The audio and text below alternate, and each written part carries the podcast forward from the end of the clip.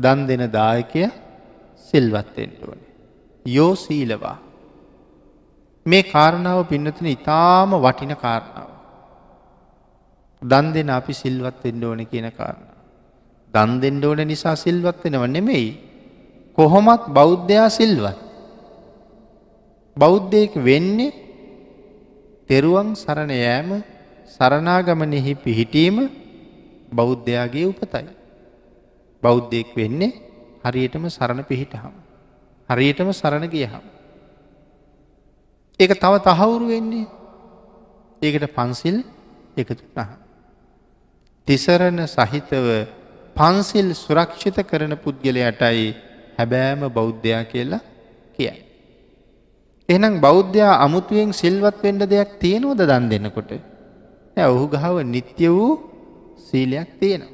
ඒ සීලයෙන් හැමවෙලාම පෝසත්. එතකොට මෙතන යෝසීලවා අන්ගේ සීලයේ පිහිටලාම දන් දෙන්න. සීලවන්තේසු දදාතිදානන් කියන කාරණාව වෙන කාරණාව. එකන එක දෙවනි කාරණාව. මුලින්ම වෙන්ඩෝනේ තමන් සිල්වත් වෙන එක. හුඟක් දන් දෙනකොට අපි ඕන තරන් දන් දෙනවා හැබැයි එවුනාට සිල් තියෙනවද කියන කාරණාව පිළිබඳ ලොකු කල්පනාවක් කල්පනාවක් නෑ. අපේ ශාසනය අනුපූර්ව ප්‍රතිපදාව කොහොමද තියෙන්. සීලදාන භාවනා කියලද තියෙන්නේ දාන සීල භාවනා කියලද. එනම් එතන සිල් ගැන කතා කරන්න නැතුව මුලට ඇවිල්ල තියෙනවා දාන. හැබැයි එහෙම හිතලා සිල් නැතුව අපිට දන් දෙන්න පුළුවන්ද දන් දෙන්න පුළුවන් එවනට ආනිසංස ආනිසංසහිනයි. ඇයි භාග්‍යතුන් වහස දානය මුලට දැම්ම එතැනදී. කිසිීම සීලයක් ගුණයක් නැතුව හිටපු මිනිස්සු දන් දෙන්න කියහම කැමති සිල් ගණ්ඩ කියහම එච්චර කැමති එච්චර කැමති නෑ. ඒක අපේ ජීවිතය කොච්චර ප්‍රායෝගිකව දකිනවාද. අප පින්නතුන් බලන්ඩක ඔබ මේවාගේ දේවල් ඕන තරන් කරල තියෙනවා. කොහේ හරි ඈත ආරණ්‍යයකට හරි වෙන කොහේ හරි තැනකට අපි දානයක් දෙන්න යන්න තීරණය කරන බොහොම දුර එහින්ද අපි දාන කළමනත් අරගෙන අපිට අනුභව කරන්න ආහාර පානත් වෙන මාරගෙන දරවතුරත් සමහට එව්වගේ පටවගෙන අපි හුඟාක් ඇත යනවා දන්දෙන්ට. ඒ දන්දෙන්ට අපි සමහරලාට එක බස් එකක් යොදාගන්න මේ ඔක්කොම දේවලුත් අරගෙන අපි ටික දෙනයටයන්ට එක බස් එක. හුඟක් වෙලාවට දකිින්ට ලැබෙනවා ගමන පටන්ගණ්ඩ ලෑස්තියෙනකොට අඩු තරම තව පෞද්ගලිකව පොඩිවාහන දෙක තුනක්වත් එකතු වෙනවා. මිනිස්සු දන් දෙෙන්ට එන්ඩ එච්චර කැමති. හැබැයි ඒ දන්දීපු මිනිස්සුන්ටම දාන ඉවර වෙලා. අපි කට්ටිය යෝජනාවක් කෙරුවොත්. එහෙනම් අපි ඊළඟ දවසේ අහවල් තැනට ගිහිල් අපි ඔක්කොම කට්ටිය සිල් ගමුද කිය ඇහුවොත් අර කට්ටිය ඔක්කෝ මහා වෙලා එයිද දන් දෙන්න ගියපු තරං සිල් ගණ්ඩ එන්නේ එන්නේ නෑ. යම් පිරිසක් සිල් ගණ්ඩ එනවා. ඊට පස්ස යෝජනා කරන්න කොහෙනම් ඊළඟ මාසේ අපි කට්ටියම එකතු වෙලා අහවල් තැන භාවනා වැඩ සටහනක් තියෙනවා දවස පුරාම තියෙන එකක් නැත්තන් දවස් තුනක් තියෙන එකක් යමුද කියලා. අර සිල්ගණ්ඩ ගියපු තරම් පිරිසුවත් භාවනාවට එන්නේ එන්නේ නෑ. ඒක අපිට කලින් සරුවඥතා ඥානයෙන් භාගිතුන් වහසේ දන්න. ආන්ගේ නිසා මොවුන් සුදුසු පාරට අරගෙන එන්න නිසා මුලින්ම දානය ඉස්සරල එතන දේශනා කළා. මෙහෙම දන්දීගෙන දන්දීගෙන දන්දීගෙන යනකොට ඒ පුද්ගලයට හිතෙනවා සීලයකුත් රැක්කොත් හොඳයි කියලා. ඊට පස්සේ යා සීලයට අවතීරණ වෙන. එහෙම සිල්ගුණ වඩාගෙන වඩාගෙන යන පුද්ගලයට ඊට පස්සේ තෙනවා මම ටිකක් භාවනා කටයුතුවලටත් යොමුණොත් හොඳයි කියලා. ඊට පස්ස එයා ටික ටික භාවනා කරන්නත් පටන් ගන්නවා ඒක ශාසනය අනුපූර්ව ප්‍රතිපදාව. භාගිතුන් වහසේ දේශනා කරපු අපූරු සූත්‍රයක් තියෙනවා ජානුස්සෝනි කියල. මෙ මේ ජානුස්සෝනි සූත්‍රයේ දේශනා කරන්නේ ජානුස්සෝනි කියන බ්‍රහ්මණයට. ඒ බ්‍රහ්මණය ඇවිල්ල බුදුරජාණන් වහන්සගෙන් අහනවා දන්දීම ගැන. අං එතනදි බුදුරජාණන් වහස දේශනා කරනවා සිල් ඇතුව දන්දුන්න හම මොකද වෙන්නේ සිල් නැතුව දන්දුන්න හම මොකද වෙන්නේ. දැ මේ යෝසීලවා දායකයගේ සිල් ගැන මේ කතා කරන්න. සිල් නැතුවත් දන් දෙෙන්ට පුළුවන්. හැබැයි අපේ අයි බොහොම සරලවම දන්නවා. අපි කවදහරි මැරිල ගිහිල්ලා. ආය කොහේරි තැනක ඉප දෙනවා. මේක සංසාරගත ජීවිතයේ අන්තිම උපත්තිය නොවෙන බව අපි හැමෝම දන්න. හැබැයි මේක අපේ පළවෙනි එකත් නෙමේ. පළවෙනි උපතත් නෙමේ අන්තිම උපතත් අතීතයත් අපි ඉපදුනා සීමාවක් නෑ. අනාගතයටත් අපි උපදිනවා සීමාවක් නැතිවෙයි. හරියට නිකං කියතක මැද්ද තියෙන දැත්තක් වගේ. ඉස්සරහටත් දැති තියෙනවා පිටි පස්සටත් දැති තියෙනවා. ඒවගේ මේ සංසාරය අපි මෙතෙක් ඉපදිලත් තියෙනවා අදත් ඉන්නවා හෙටත් උපදින්ට උපදින්න පුළුවන්. එකැන රහත් උන් නැත්තං අනිවාර්යෙන්ම අනිවාර්යම උපදින.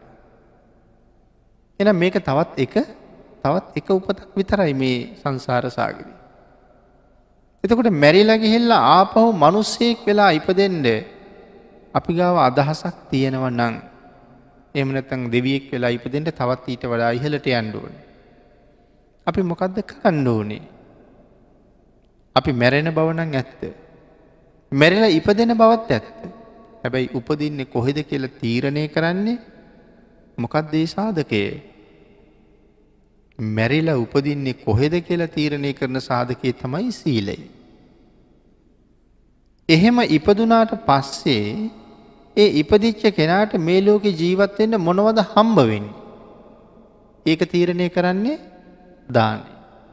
උපදින තැන තීරණය කරනවා සීලය ඉපදුනාට පස්සේ ලැබෙන දේවල් තීරණය කරනවා දානය.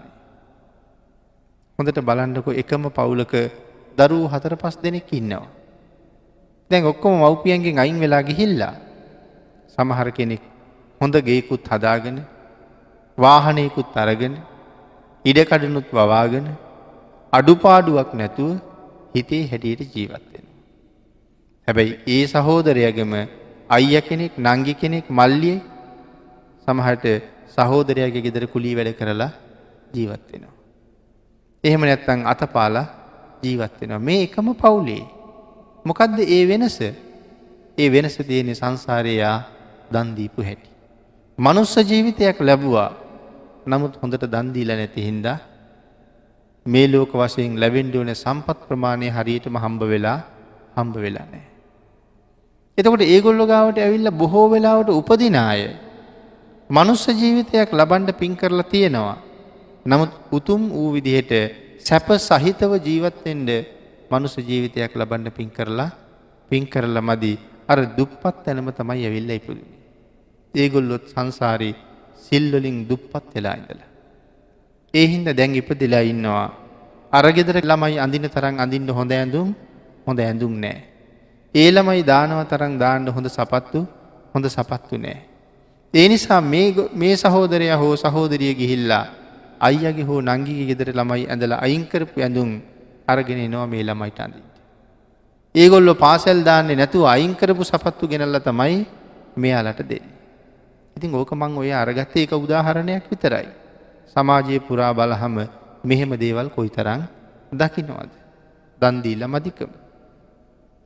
මේ ජීවිතය එකට ජීවත්වෙච්ච හතර පස් දෙනා මැරිල ගිහිල්ල හැමෝම ආය මනුස්ස වෙලා ඉපදෙයිද සිල්ගුණ තිබිච්චාය මනුස්සයෝ වෙලා ඉපදෙයි.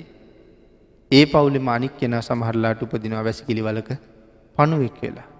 තව කෙනෙක් මේ සක්වල දෙක්මෝල ගිහිල්ලා මේ කෝටි ලක්ෂයක් සක්වල ඉතාම ඈත කෙරවලක මහාසාගරයේ පතුලේ අඳුරු ගල්ගුහාවක් ඇතුළේ උපදිනවා වෙන්ඩත් වෙන්ඩත් පුළුව. මේක තමයි සංසාරය හැටි. ආංගේ උපදින තැන සුගතියද දුගතියද කියන කාරණාව තීරණය කරන්නේ සීලය. එනම් අපි ලොකු කුඩා හැමෝම මතක තියාගණ්ඩ වෙනවා නේද. අපි හැමෝම ගාව ප්‍රගුණ කරපු සීලයක් තියෙන් ඕනෑ හොඳ තැනක උපදින්ටන. ඒක ඉදිරියට ගිහිල්ල තවටිකක් වයසට ගිහිල්ල සිල් රකින්න පුළුවන් වෙයිද අපිට. එහෙම කරන්න බෑ කාටවත්. කවුද දන්න හිට මැරෙයිද කියලා. ආගේ නිසා අදම අදම මේ සිල්ගුණ ප්‍රගුණ කරන්න. කෝ ජඥා මරණං සුවේ කෞද දන්නේ මාරයා හෙට මං හොයාගෙන එන්නේ නෑ කියලා. ඒ හින්ද මට කල්දාන්ඩ බෑ මේ අදම අදම කරන්න තියෙන දෙයක්. මේ කාරණාව හරියට වැටහෙන්ඩ පටන් ගත්තුත් මිනිස්සු හැමෝම සිල් රකින්න පටන්ගන්න.